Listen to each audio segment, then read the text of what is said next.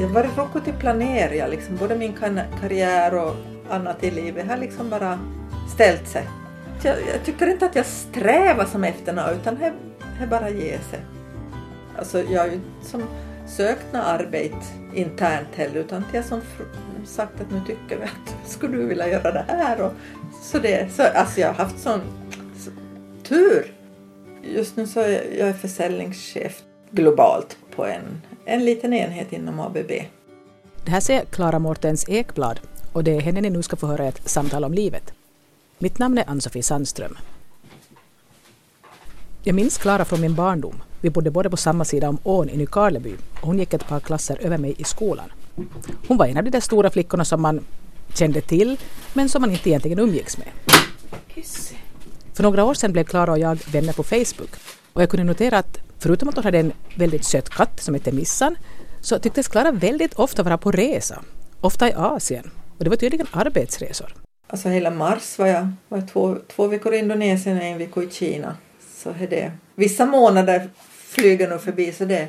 Andra kan ju vara och ibland kan man ju inte ställa heller utan det är ju liksom då kunderna eller de här lo- lokala enheterna behöver en så får man ju fara bara. Men då försöker jag ju planera liksom. Jag föreslog att vi skulle träffas och spela in ett program någon gång när Klara besökte sin gamla hemstad. För jag var nyfiken på vad som hade hänt i Klaras liv sedan hon försvann från Nykarleby någon gång i mitten av 70-talet. Jaha, så du några kissor? I början av juni i år tog hon sig tid att komma hem till mig. Du hade säkert några sällskap med dig. Ja, jag skulle få till Anders själv och så skulle jag få till vara Tony. Så vilka har du med dig?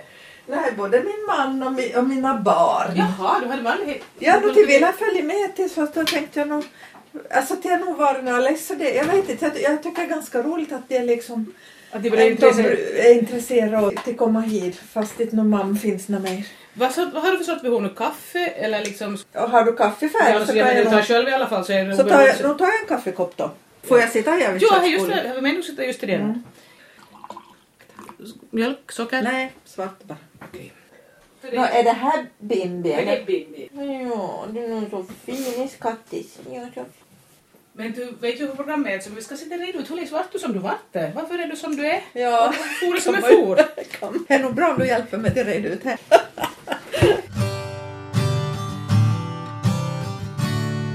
Klara Mårtens Ekblad heter jag. Jag är född i Nykabi på Höbackan eh, 1957 så jag är 58 år. Kände nog mig lite yngre kanske. Och eh, flyttade ganska tidigt från Nykabi. Jag har inte flyttat tillbaka nu än. Tror jag att jag flyttar tillbaka heller. Men nu är jag, nu är jag ju Nykabibo. Så om några frågar så är du Nykabi. Ja, eller det beror på liksom vem som frågar. Men jag brukar säga att Höbackbo, Nykabibo, Österbottning, finlandssvensk. Inte kände jag mig som svensk inte. Och jag pratar nog rikssvensk på jobbet och med barnen. Jag kan till och med prata riktigt stockholmska om jag ska knip. Om jag riktigt kniper. Ja, precis. Men så fort jag pratar med någon från vårt Helsingforskontor så tillhör ju nog kollegorna direkt om jag, vem jag pratar med. För jag, slår, Mm. jag tror att jag är en sån där språklig kameleont. Jag vet inte om jag har att göra med att jag kan ett par främmande språk så det är så att jag byter nog ganska lätt.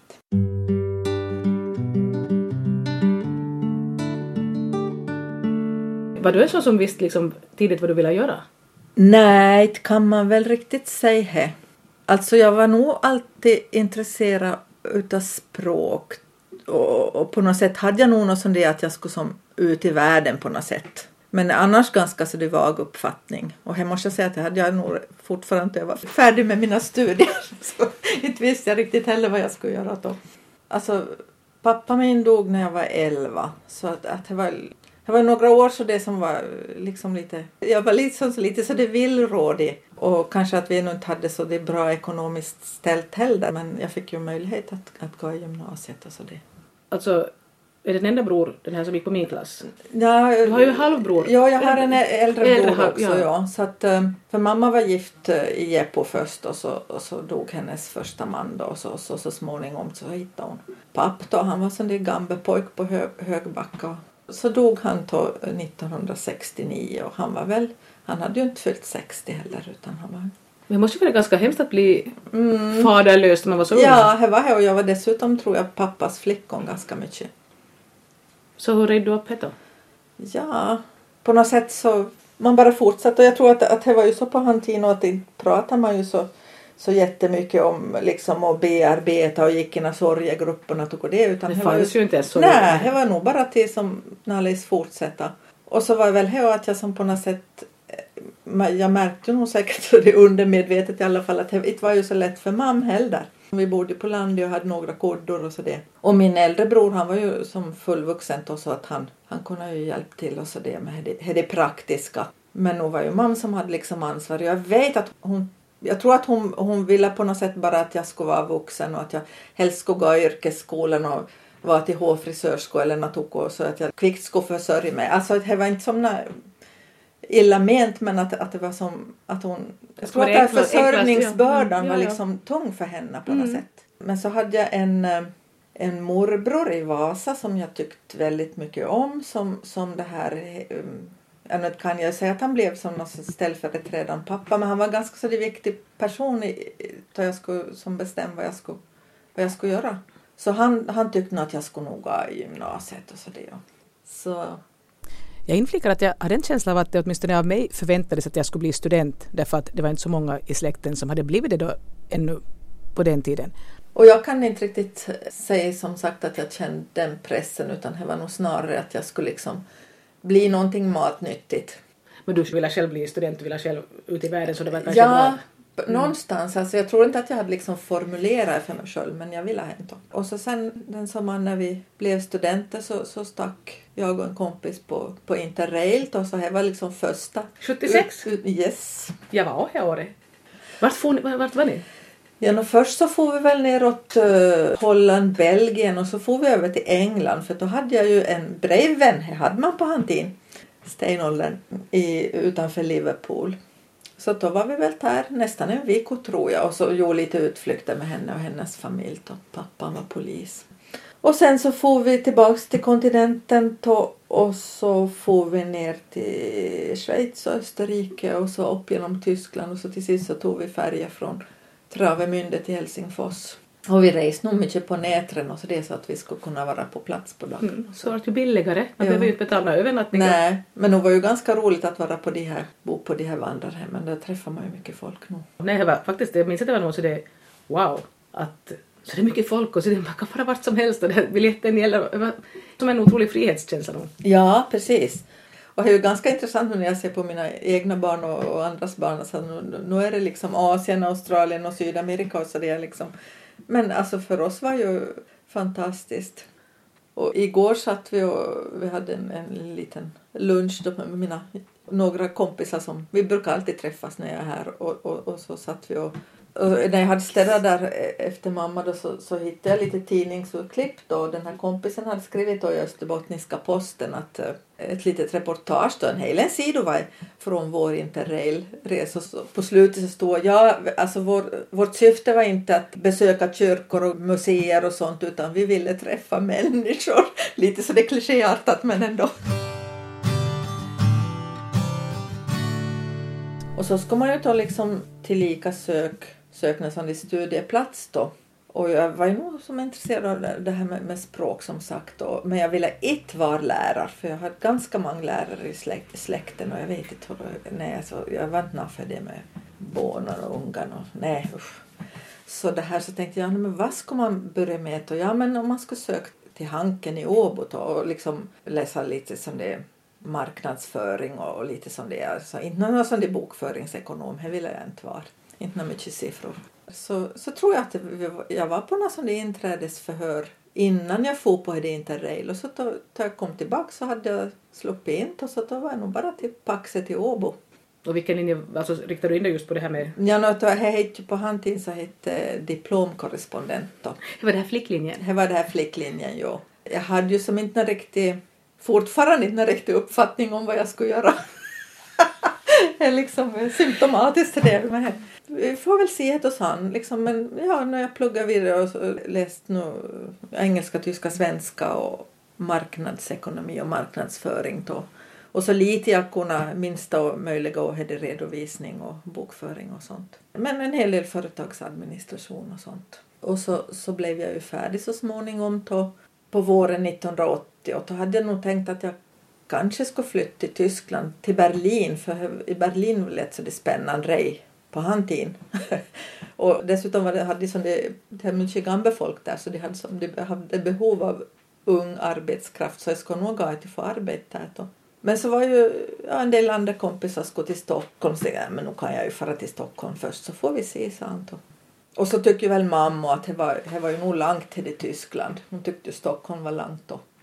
Så det här. Hon skulle vilja ha det ganska nära. Ja, ja jag tror att så Hon skulle nog helst ha sett att jag skulle lämna i Nykabi. Men du får till Stockholm? Ja. Hade du jobb, for du till Stockholm först eller hade du jobb först? Mm, nej, jag kommer inte riktigt ihåg. Men alltså vi, vi var väl över på vårkanten och tänkte att vi skulle söka något som det sommarjobb. Men det var så lätt att få arbete så vi fick ju liksom fast tjänst på en gång. Så det vart så då. Ja, Man- på man- den vägen är det. Är du på samma ställe som du fick fast nej, tjänst då? nej, inte här. Nej, nej, inte här. Men jag hade nog bara ett jobb först och så sa han ett till. Det är det som jag är på nu. Så sa han slutet av 1981. Men jag har haft liksom olika tjänster hela tiden så det känns ju nog som jag har varit på, ett, på olika jobb. men du, hör till det här, det här kan ju inte dagens ungdomar se fram emot att de skulle ha först ett jobb och så byter de till ett annat jobb och så är de kvar. Nej, inte, inte kan det hända. Men alltså faktum är att, att på det här mitt jobb så är det ganska vanligt och även på Ja, det här företaget har blivit uppköpt av ett annat företag nu och, och de som köpt upp oss, där är det också folk som har jobbat. Alltså, många mer än 25 år och sådär. Och, och, och, och liksom man har ju en hel del erfarenhet med sig. Kissy, Bimbi, kom se. Så det här... ehm, Men alltså var du, i vilket skede bestämde du då för att, jag menar du kan ju ha fått fast men att, att du faktiskt bestämde att nu stannar jag faktiskt i Sverige, var det när du träffade din blivande man eller någonting? Eller? Nej, kan jag nog säga det. Utan eh, ja, på något sätt så, så blev det så bara. Alltså man är väl lite bekväm åt på något sätt. Att, alltså, här, här försvann nu mitt medvetande i det att jag skulle. Och så dessutom då att jag fick liksom ett jobb som var mycket internationella kontakter och så det. Så jag fick ju tala tysk i alla fall då, tyckte jag. Så det här, på den vägen är det. Men så, så Du träffade- trivde, men du trivdes i alla fall ganska bra tydligen för annars skulle du kanske ha sökt bort. Mm. Men jag tror att jag är, ja, alltså jag är inte så det grömt företagsam. Alltså jag är nog ganska, liksom trivs, ja precis som du säger, om jag trivs så. Då följer det andra liksom ur mitt medvetande då. Alltså, jag är nog inte så det grömt att jag skulle sträva vidare hela tiden. Och här var det likadant på jobbet liksom att, ja men jag var först som sekreterare och så började jag med order och så småningom försäljning och, och vad är det du gör nu för, vad man ser på Facebook så är du, är du i Asien och alla möjliga ställen Ja. liksom nästan varenda vecka känns det som. Ja, men är ju att jag har tid med Facebook. Och, Ehm, just nu så är jag jag är försäljningschef globalt på en, en liten enhet inom ABB. Så det här. Det låter ju inte som det skulle vara liksom vilket litet skräpjobb som helst. inte. Nej, inte här ju. Det låter ganska avancerat. Ja, jo, men det är nog jättekul faktiskt. Och jag tycker då att man som på något sätt, ja man har ju med sig sin erfarenhet och det är ju roligt om man liksom lyckas. Inte nu det här, eh, alltså själva försäljningen i sig tycker jag inte är så, utan det är ju mest om man, om man liksom lyckas förklara för en kund att det här skulle du nog behöva ha. Liksom. Fast kunden, fast kunden kanske inte ens behöver det. Nej, men oftast behöver de nog fast de vet inte om det riktigt. Så det funkar allt det här att man ska försöka få folk att tro att de behöver när de inte behöver. Ja, lite så. Manipulation, nej, inte är ju det kanske.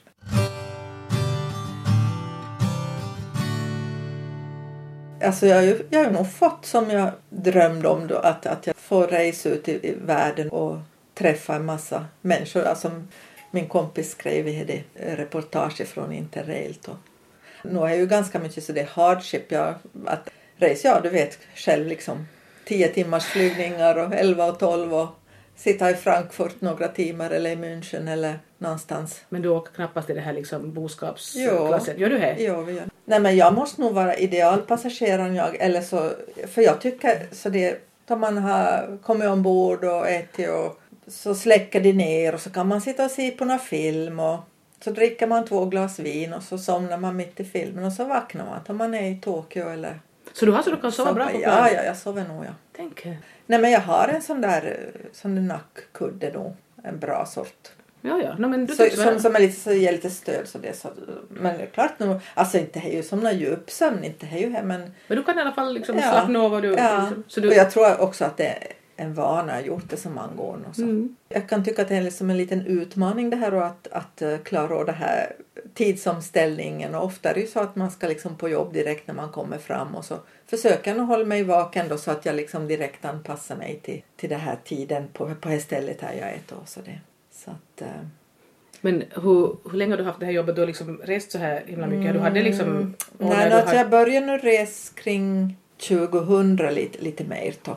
Ja, då fick jag sån där säljarjobb då, så det gjorde jag några år och så, och så småningom då så blev, blev det här försäljningschefstjänsten då. Men det är nog un- ungefär, ja jag kanske reser med nog faktiskt för att jag har liksom globalt, då hade jag bara några länder som jag hade hand om. Men hur, hur många dygn i året kan du vara liksom på resor? Nå, kanske. Det varierar nog lite sådär men kanske kring 80. Lite, lite olika. Som I år nu var jag, alltså hela mars var jag, var jag två, två veckor i Indonesien och en vecka i Kina. Så är det. Vissa månader flyger nog förbi så det. Andra kan ju vara och ibland kan man ju inte ställa heller utan det är liksom då kunderna eller de här lo, lokala enheterna behöver en så får man ju fara bara. Men nu försöker jag ju planera liksom sådär. Men det är ju utflugna barn och så du hade, du hade inte den här sortens jobb när du hade... Nej, nej, nej. Och dessutom så, så reste ju min, min man då så att, att då var liksom lite omvända roller. Jaha, Men- så han hade då sånt Ja, jobb? alltså vi, vi råkade på arbete så att... Så ni får det i samma, bra, i samma Ja, ja, företag? precis. Ja. Fast inte på samma avdelning direkt utan... Men nu är han inte så Nej, han är, han är äldre än mig så han är pensionär nu. Så nu får han hålla sig och du reser? Mm, jag har inte dammsugat på fyra år. Bra va? Ja. Men ta berätta om det här hur du träffade din man då. Eh, när jag var på arbete och... Eh, I vilken ålder var du då? Ja, vad skulle jag nog ha varit? Hoho. Vi gifte oss då jag var 29. Ja, det var väl ett par år innan då. Ja, nå, lite kaffe tack. Tack är bra sådär. Nej men och, och då jag träffade min, min man så alltså man har ju nog varit drabbad av det här att man flyttar till Sverige och så pratar man svensk.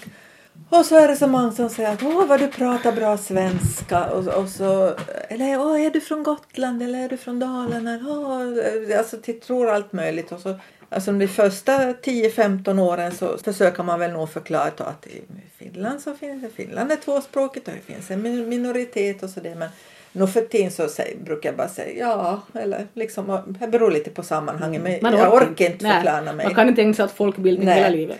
Alltså min man han, han, han hade koll på det med finlandssvenskar och han hade bekanta svenskspråkiga från Åbo och så det så att han, han hade som koll på det. Det tyckte jag var så skönt. Man, det var man inte behöver förklara för. Ja precis, så det var liksom början kan man säga. Men var det så att du redan när du gick i skolan hade tänkt att du ska nog i något ha barn och så det? Du hade tänkt att Nej, alltså jag det var ju därför jag inte ville vara lärare heller för jag tyckte inte något riktigt om barnen. Så att, och nu hade jag ju något liksom förhållande före jag träffade min man. Men det var först när jag träffade han som jag började tänka att jag kanske skulle vilja ha några barn. Att det var inte så att du från början gick och... Det, finns ju, det fanns ju små flickor som så fort de såg en barnvagn så sprang de och skådade liksom. Bevare mig. Nej, eh, det var nog... Jag kunde inte alls förstå det. Det fanns inte som på min karta. här. Men så dök jag upp på kartan så småningom. Mm, det gjorde det. Och då gick det fort. Så vår son är född 88 och, så, och dottern kom 91. Och jag skulle nog kunna ha bra många till men min man hade två barn innan för han var gift tidigare så att han tyckte väl det räckte med fyra. Nå ångrar du nu att du inte, har mang? Ja, nej, nej. Och jag har väldigt bra förhållande till hans barn och så att, och all, alla barnen har liksom stort utbyte av varandra så det tycker jag är roligt. Nej, jag är inte så mycket för att de ångar någonting. Ja. Jag, är- nej, jag är inte utan det var som det var och så får man liksom göra det bästa av situationen. Ja, man får en känsla av att du faktiskt liksom, att du, du njuter av det du har på gång just då. Ja, God mat och goda drycker och en söt Ja, katt. Och, ja, ja, ja. Hon lever ju kiss ännu, jo. jo, men hon har ju sån där sköldkörtelproblem så vi får ju medicinera så vi får se hur länge det går. Men så länge hon inte lider och så det så.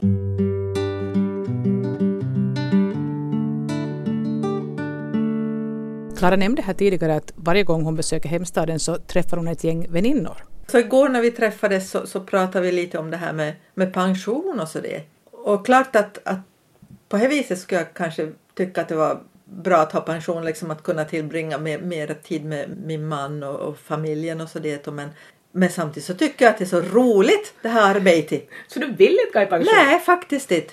Inte måste du väl? Nej, inte måste jag väl. Och nej, nej, inte måste jag heller. Ja, i Sverige måste man väl kanske arbeta. Det säger man måste arbeta till både 67 och 70. Men så länge tänker jag nog inte hålla på. Men inte har jag nog sådana planer riktigt på att, att gå i pension. Inte. Nej, inte om du trivs förstås. Nej, nej. Alltså nu finns det ju dagar när man trivs mindre men för det mesta så trivs jag bra. Så det verkar faktiskt vara, du kan, jag menar, för skulle jag säga att jag måste hålla på och resa på det sättet nu så jag, jag menar, jag reser Ja. nog med jag och vi och på annat sätt men att jag, Jo. jag har helt kommit ifrån det. Jag tycker Mm. inte alls att jag vill hänga med. Och vi kommer in på det där med förnedrande långa köer till att gå igenom säkerhetskontrollen och allt sånt där. Sånt som jag nu för tiden verkligen inte alls står ut med. Och det är nog en del flygplatser är ju nog vä- värre än det liksom att det är långa köer och så det. Och, och. Men jag tycker då att det kan vara lite så det är bra för mig för det är lite så det att man får eh, som alltså ja nu står jag här och jag kan inte göra något åt det här. Det är lite så det kanske inte någon mindfulness men lite åt det hållet att liksom här och nu och ja det är inte mitt beslut utan till arbetar väl på så snabbt det kan men nog har jag just det och trampa många gånger så, så det är liksom att ja men ska man måste organisera upp det här nu liksom ja men ja om man ser något som är så det är uppenbart idiotiskt ordnat så då kan, ju, kan det ju nog klia i fingrarna men försöka liksom lugna ner mig lite så det tar. Inte- Oftast är jag väldigt o, ostressad när jag reser och det tror jag är bra. Jag tror man att- får inte, okej, när man ser dina uppdateringar så verkar att du tycks kunna njuta av det här ställen Ja. där du är liksom då du Ja. måste vänta någonstans i en lounge någonstans. Att det Ja. att, du, att du kanske kan ta ut det positiva ur det här Ja. som jag kunde förr i världen men inte när mig egentligen. Nej. Ja, men det, alltså, ja, nu har jag kanske så läst nu och inte och får man lyxen att vänta i en lounge så då går det inte någon nöd på en. Och, och liksom, ofta finns ju bra liksom, uppkoppling på flygplatserna och man kan liksom Att du kan liksom, Facebook eller något sånt. Men det här eh, och sen det är själva arbetsresorna att, att nu är det klart att det är ju det är hotell, det är flygplatser, det är bilresor, det är eh, jättestora pappersbruk och gå och varmt och men, Men- hur, hur är det med din kännedom om själva branschen då liksom? Eller är du bara, du, har du liksom ja, med tiden liksom Ja, ja, fått precis. skolning inom det? Ja, ja. Precis. Nu har jag nog och liksom produktkunskap och så det så att nu tycker jag att jag kan ganska bra. Och alltid lite har inte jag kunnat så jag sagt att jag vet inte vad jag ska ta reda på. Och här brukar man klara sig undan med. Och ibland brukar jag så det kokettera lite och säga ja, ja, jag är ju ingen ingenjör. Och då säger de oftast nej men det finns så mycket ingenjörer, det är bra med andra folk.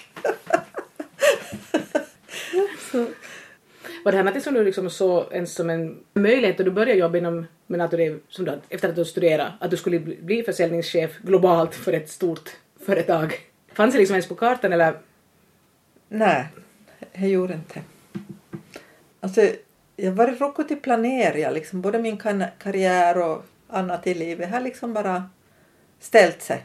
Så du tyckte jag men, Ja, så jag liksom funderar nog hur ska jag göra något och liksom ska jag hoppa på det här tåget eller ska jag inte och så det. Alltså jag har ju som sökt något arbete internt heller utan jag som sagt att nu tycker vi att skulle du vilja göra det här och så det. Så alltså jag har haft sån så, tur. Nå, nu tyder det på att du kanske varit ganska bra då.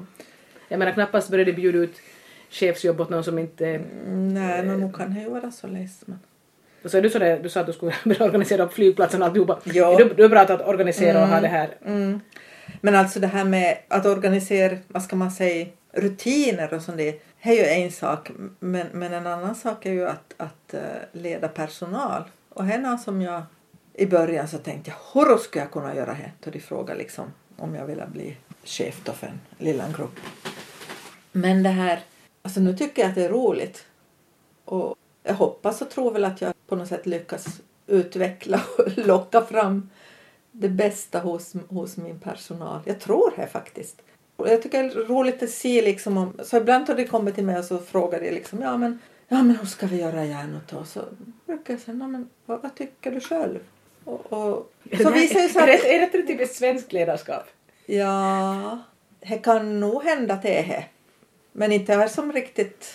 Alltså inte kan jag ju säga att jag direkt läst i någon, någon sån här managementbok eller så det, utan det är nog bara som jag är liksom. Och, och jag har märkt då att om man gör det så, ja efter ett tag då så, så kommer ens personal, då de har några frågor så, så har de liksom rej tänkt ut hur de själv skulle, skulle vilja göra. Så att det, Och de märker att det tillåts, att, inte, Ja, att, att du, du har inte behov att hävda ditt eget ego genom att du ska Nej. absolut ha genom som nu har jag bestämt att det ska vara så, det då ska det vara Mm, så. Det finns ju en sort nå. Ja.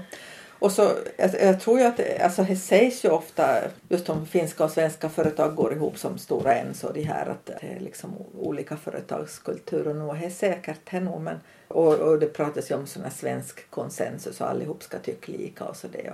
Men jag måste nog säga att i den här ledningsgruppen som jag sitter i så är det nog väldigt högt i tak så att all, vi sitter nog och har högljudda åsikter allihopa så det att så att det inte, inte är ju så så jag, jag är ju dessutom i, i minoritet och att jag är just nu och oftast här varit liksom en enda kvinnan i, i vår ledningsgrupp då. Och jag jobbar i en väldigt så det är manlig kan man säga kultur och mina säljare är män och så det. Men i- nog verkar till kunna tycka att det är okej okay med, med mig som chef och jag tycker att, att det funkar bra. Jag, I min ungdom jobbade jag ju på bank och där var ju mycket kvinnfolk. Så jag kommer fram till att jag jag vet inte om jag, att, att, att män är kanske lite mer direkt och här passar det här mitt finländska kynne lite bättre till. Men jag, jag tycker att det funkar bra så det. Hur tycker du om att vara som just i minoritet i egenskap av kvinna just på sån hög nivå inom de stora företagen? Mm. Hur ser du liksom att vad är, det, är det en miljö som man måste vara extra tuff för att orka med överhuvudtaget? Nå, I mitt fall så tror jag nog att det är mer att, att det är som jag sa, alltså det är lite ingenjörs och teknisk, teknisk arbetsplats och vi säljer sådana produkter som är liksom, ja. Men nu brukar ju vara i vilket fall som helst vad än är frågan om ju högre Mm. upp man kommer så blir det nog glesare med Mm. damerna. Mm. Jo, och det här, men det här företaget har varit så det är traditionellt manligt. Så.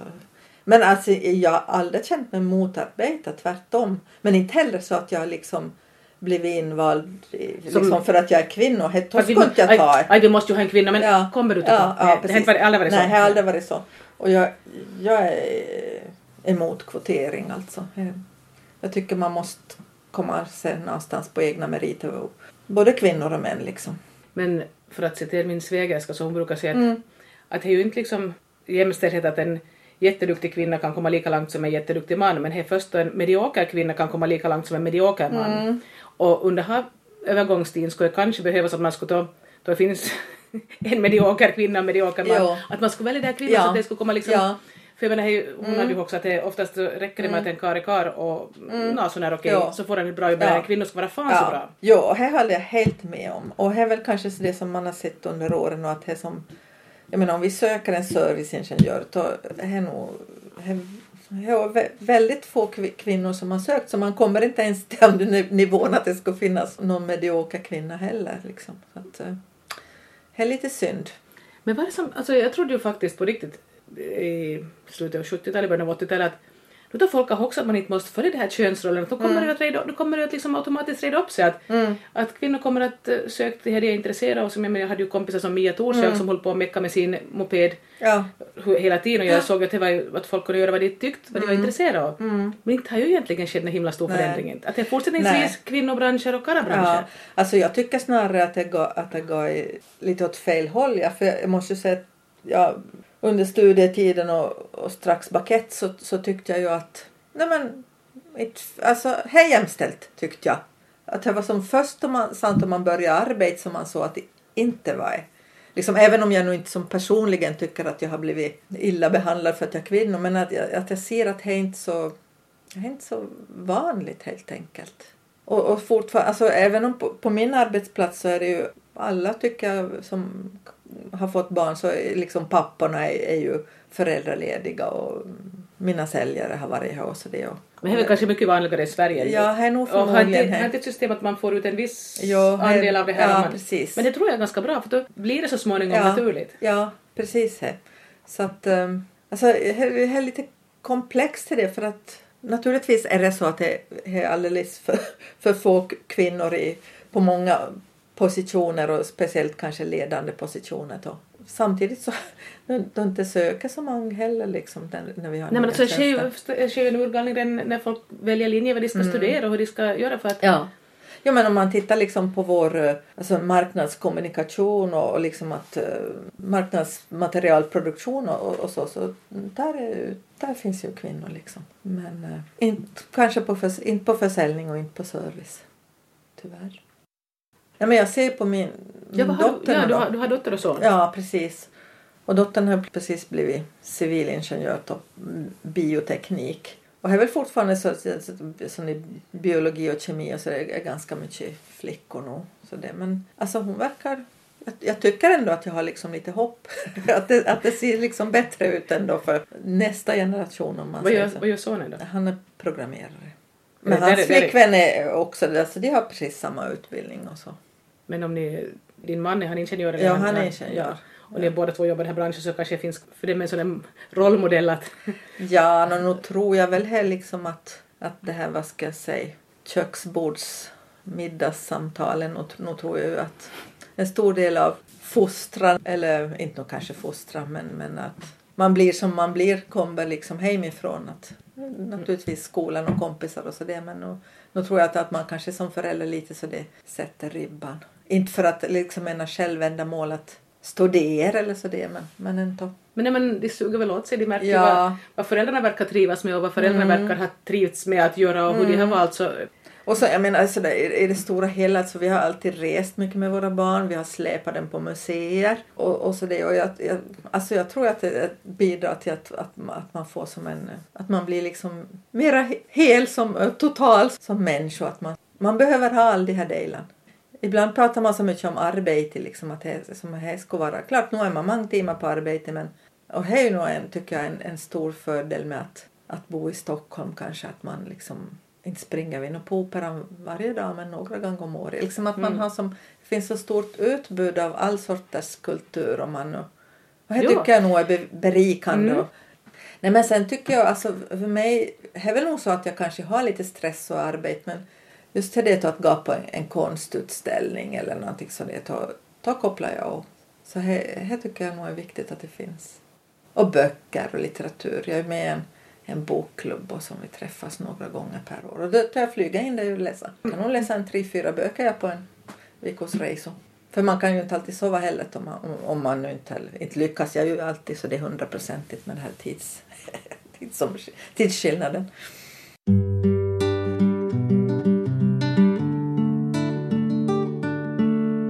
Ibland tycker jag nog att jag kanske skulle göra något helt annat. Och så är dröm liksom med eh, någon sån där pop-up restaurang och bokhandel. Men ja, dels så vet man ju att nej men inte, inte några sötebrödsdagar till att ha en restaurang och, och folk kanske inte läser böckerna mer eller köper några böcker. Men det gör det ju! Folk Ja. köper ju böcker. Alltså, det- allt det här som de håller på med att, att boken ska försvinna så inte stämmer det ju. Nej, Det, tycker det jag är liksom, heller. en att folk vill ha böcker. Ja. Och inte tycker jag om att sitta och läsa liksom på en skärm Nej, i nej. solen. Utan jag kan se i skuggan och har jag en Ja. bok som jag kan, och så kan jag vika in och så kan jag... Mm. Nej, jag, jag, jag läser nog bara... Alltså, det är många av de flyger som har sån där plattor men jag har nog en riktig, riktiga Ja, böcker och dessutom om, om man har glömt att ladda upp ifall akkun är slut så akkun blir inte slut på en bok. Nej. det Finns det inte- liksom? Ja, precis. Ja. Nej, men alltså... Och ibland har jag tänkt så det att man ska göra något sånt det Om jag, när jag ska pensionera mig då ska jag ju nog vilja göra något fortfarande. Och det vet jag inte riktigt. Men det är väl kanske som med det här allt annat. Att det dyker upp något och ställer sig. Det händer ju alltid då och då att folk som blir pensionärer väljer att återvända till den stad där de växte upp. Så jag frågar om Klara alls skulle kunna tänka sig någonting sånt. Ja, nej, t- tror jag att det riktigt finns på kartan att jag skulle, att jag skulle flytta tillbaks till Nykarleby. Dels förstås för att min, min man är, är svensk då. Han har lite svårt med den här dialekten men barnen min förstår nog bra och där, då tror han lyssnar på podden redan. Förstår hon alltså? Ja, hon gjorde det. Ja, de har nog kanske ä- ärvt mitt språköra så det för de har som inte nå. Och nu pratar vi ju bara dialekt jag nog liksom med, med min bror och så det. Och det hänger nog bra med. Men min man i början så sa han alltså jag undrar vem är den där Aceman som ni pratar om? Aceman betyder alltså ensam. Men det, jag tycker det är en ri, rikedom nog att ha fler, fler språk. Jag frågar Klara hur många språk hon kan. Nå, alltså engelska och tyska är väl nog som jag är flytande på. Alltså det här finsk, alltså jag förstår ju nog 100 procent men jag talar inte. Alltså, Du menar, Jag du måste nog du har inte använt på så länge? Eller? nej, så jag får liksom, och så om jag dessutom börjar tänka på någon grammatik så får jag ju ska man ju riktigt... tänka på Nej, man ska ju inte, jag, då får jag riktigt tunghet. Men det brukar nog, alltså ibland har jag varit på någon sån där mässor i Helsingfors så om man är några dagar så börjar ju noga bättre. Så aktiveras det. Ja, eller om man var på sjukhus i Tammerfors. Då fick jag beröm för att jag pratade bra finska och sköterskor där. Men du har inte lagt dig till det Alltså- franska eller spanska eller kinesiska? eller Ja, någonting? jag, har, jag har nog läst franska i några år och, och det här. Läste du i skolan franska? Nej, jag läste ju latin, ja. Jag hade valt franska men då var det en för lite i den här latingruppen och då ställde man ju upp och läste latin. Men jag ångrar inte henne. Det är faktiskt väldigt bra att ha som i, i botten. Dels för, för att äh, ett är ju så många språk som har liksom grunden i latin och ja, så det här grammatiken och så det och att man kan. Och så beror det på sammanhanget liksom. Men när jag träffar liksom franska och italienska kunder och, och så det är nog alltså man hör ett och annat stickord så, och likaså ryska så kan jag bra så det Har du läst ryska? Och så det? Nej, inte hem. Men liksom eh, när man kan, när man kan sammanhanget eller liksom förstå vad det ens lokala kollegor pratar om så, så det här så, så kan man ju som lätt nog säga någonting klokt och så låter det ungefär som man skulle kunna fast man, Fast man inte egentligen kan. Att man så du har faktiskt lätt att snappa upp så det du tycks Ja, jag har det. Mm. Fast nu är det svårare med de asi- asiatiska språken som, som bahasa och thai och så det här kan jag ju inte. Eller mandarin. Då är det svårare att förstå, förstå Mm. det här sammanhanget. Så men man kan nog lugnt säga att du kom ut i världen så du ville att du var lilla. No, jo, Fast du inte bosatt längre bort än i Sverige. Nej, precis. Eftersom både Klara och jag är närmare 60 än 50 så kom vi på det här med livets korthet och att man kanske inte ska spara roliga saker till sen någon gång. Det pratade vi faktiskt om igår på den här lunchen och liksom att man ska nog, man ska nog göra nog. Jo, och man ska vet inte. Och Man man, ska inte. inte så det är planer heller. Ja, om tre eller fyra år ska jag gå i pension och då ska vi göra det och det. Det det finns inte några garantier att man kan göra det utan det är nog bara till vi reser ju en hel del Mm. liksom, för att vi tycker att det är roligt och så det och här. Och så säger folk ja men du som reser så mycket jobb, ska, du, ska ni resa nu igen? Ja, faktiskt för det är olika saker. Men att det är just det att man ska ju inte vänta till san för man vet inte är san. nej, hur- hur det nej, jag tycker att man har ganska, eller en hel del exempel på folk som precis då de har gått i pension så tillstöter den av. Så. Mm, och så är det färdigrest. Ja, färdigrest. Ja.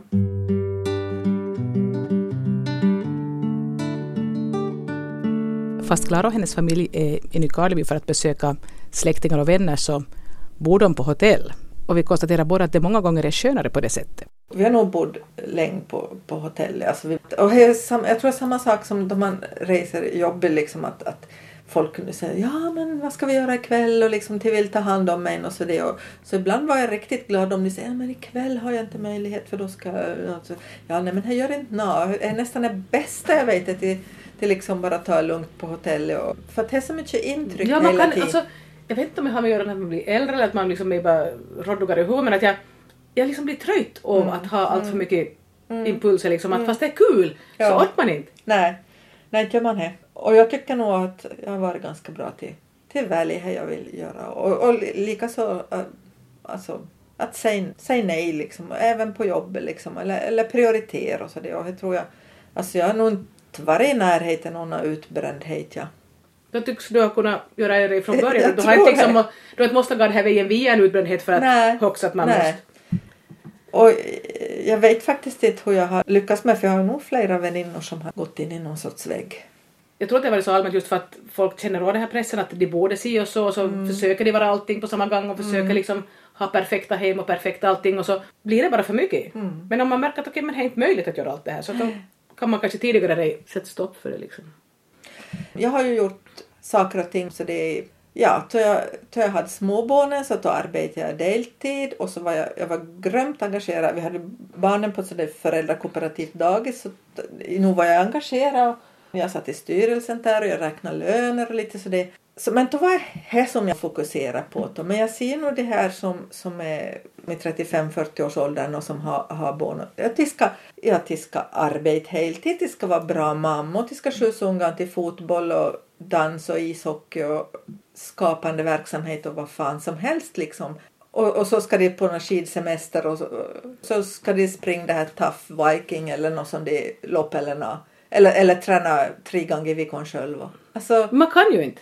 nej, och det, det har jag nog funderat liksom, alltså varför har, Det är lite som det här med jämställdhet. Att varför har jag gått åt det här hållet? Att jag skulle behöva gå åt något annat håll. Allihop skulle ta lite, lite mera här och nu och så Mm. ordnar det nog upp sig, sa han. Alltså nu hindrar man med det här karriären. Jag menar skåda på mig. Så- Som jag arbetade ju deltid ja, tills, tills Siri var 12 eller något. Kanske jag får lite sämre pension men nog tror jag är värt det.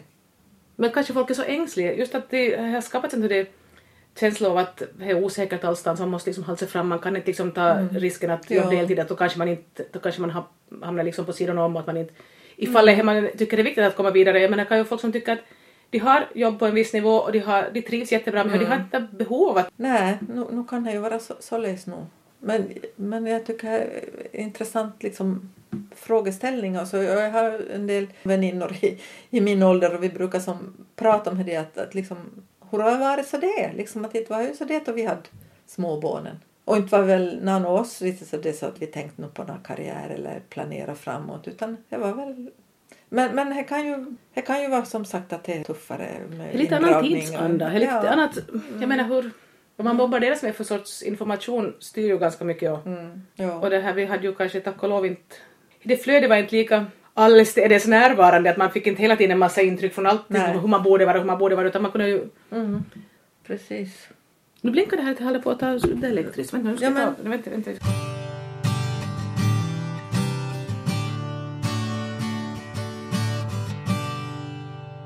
Skulle du, ändå- skulle du säga att du liksom är nöjd med livet som du lever idag? Att livet vart som det vart? Ja, jag är nog här. Jag är faktiskt jätte, jättenöjd. Kanske just för det här att jag som inte... Jag är väl inte så ambitiös. Jag liksom tänker inte att oj, nu ska jag vilja göra det eller nu ska jag vilja göra det utan till att inte du är ambitiös tycker du har kommit ganska långt. ja, nå kanske det. Men jag, jag menar som att jag, jag tycker inte att jag strävar som efter något utan det bara ge sig.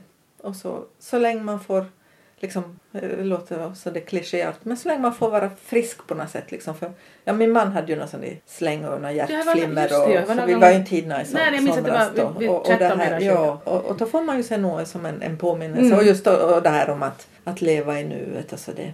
Nej men jag tycker att det är så, så roligt. Och inte kan jag heller säga så det är liksom en del sitter och väntar på barnbarnen och så det gör jag här utan det är väl roligt till så länge till med vad de hade på med och dottern var i USA i fjol det tyckte jag var jättekul och skulle de nog flytta utomlands jag får väl fara och hälsa på dem då inte även värre än så. att du skulle vilja liksom det stramt nära nej, till. nej. Alltså nu hade jag väl lite kris så det då sonen flyttade ut men samtidigt så fick jag ut, alltså han, han var ju äldre än vad jag var att jag flyttade till Åbo så att man får, men jag tror man måste tänka efter.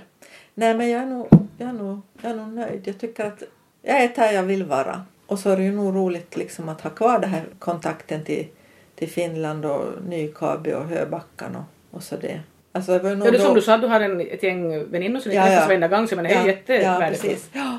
Alltså nu tror jag att på något sätt att de här, om man nu vill kalla det rötter eller vad man vill kalla men nog finns det ju på något sätt kvar och jag tycker det är så roligt att få skåda till det till Andersjön och till Boddan och lite så det ser hur, hur det ser ut och jaha nu har de byggt nya Angol till det och så det och, men inte har jag ju som inte kände jag några folk liksom riktigt så det om jag möter någon på gatan inte vet jag. Nej, men du har ju det som du kände. Precis. Ja. Så att vi har ju nog haft fullt program nu hela, hela helgen.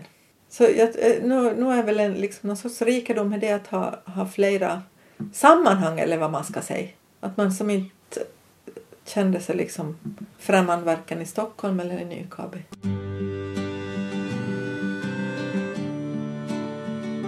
Du har hört ett samtal om livet med Klara Mårtens Ekblad som växte upp i Nykarleby men som har bott i Stockholm sedan 1980.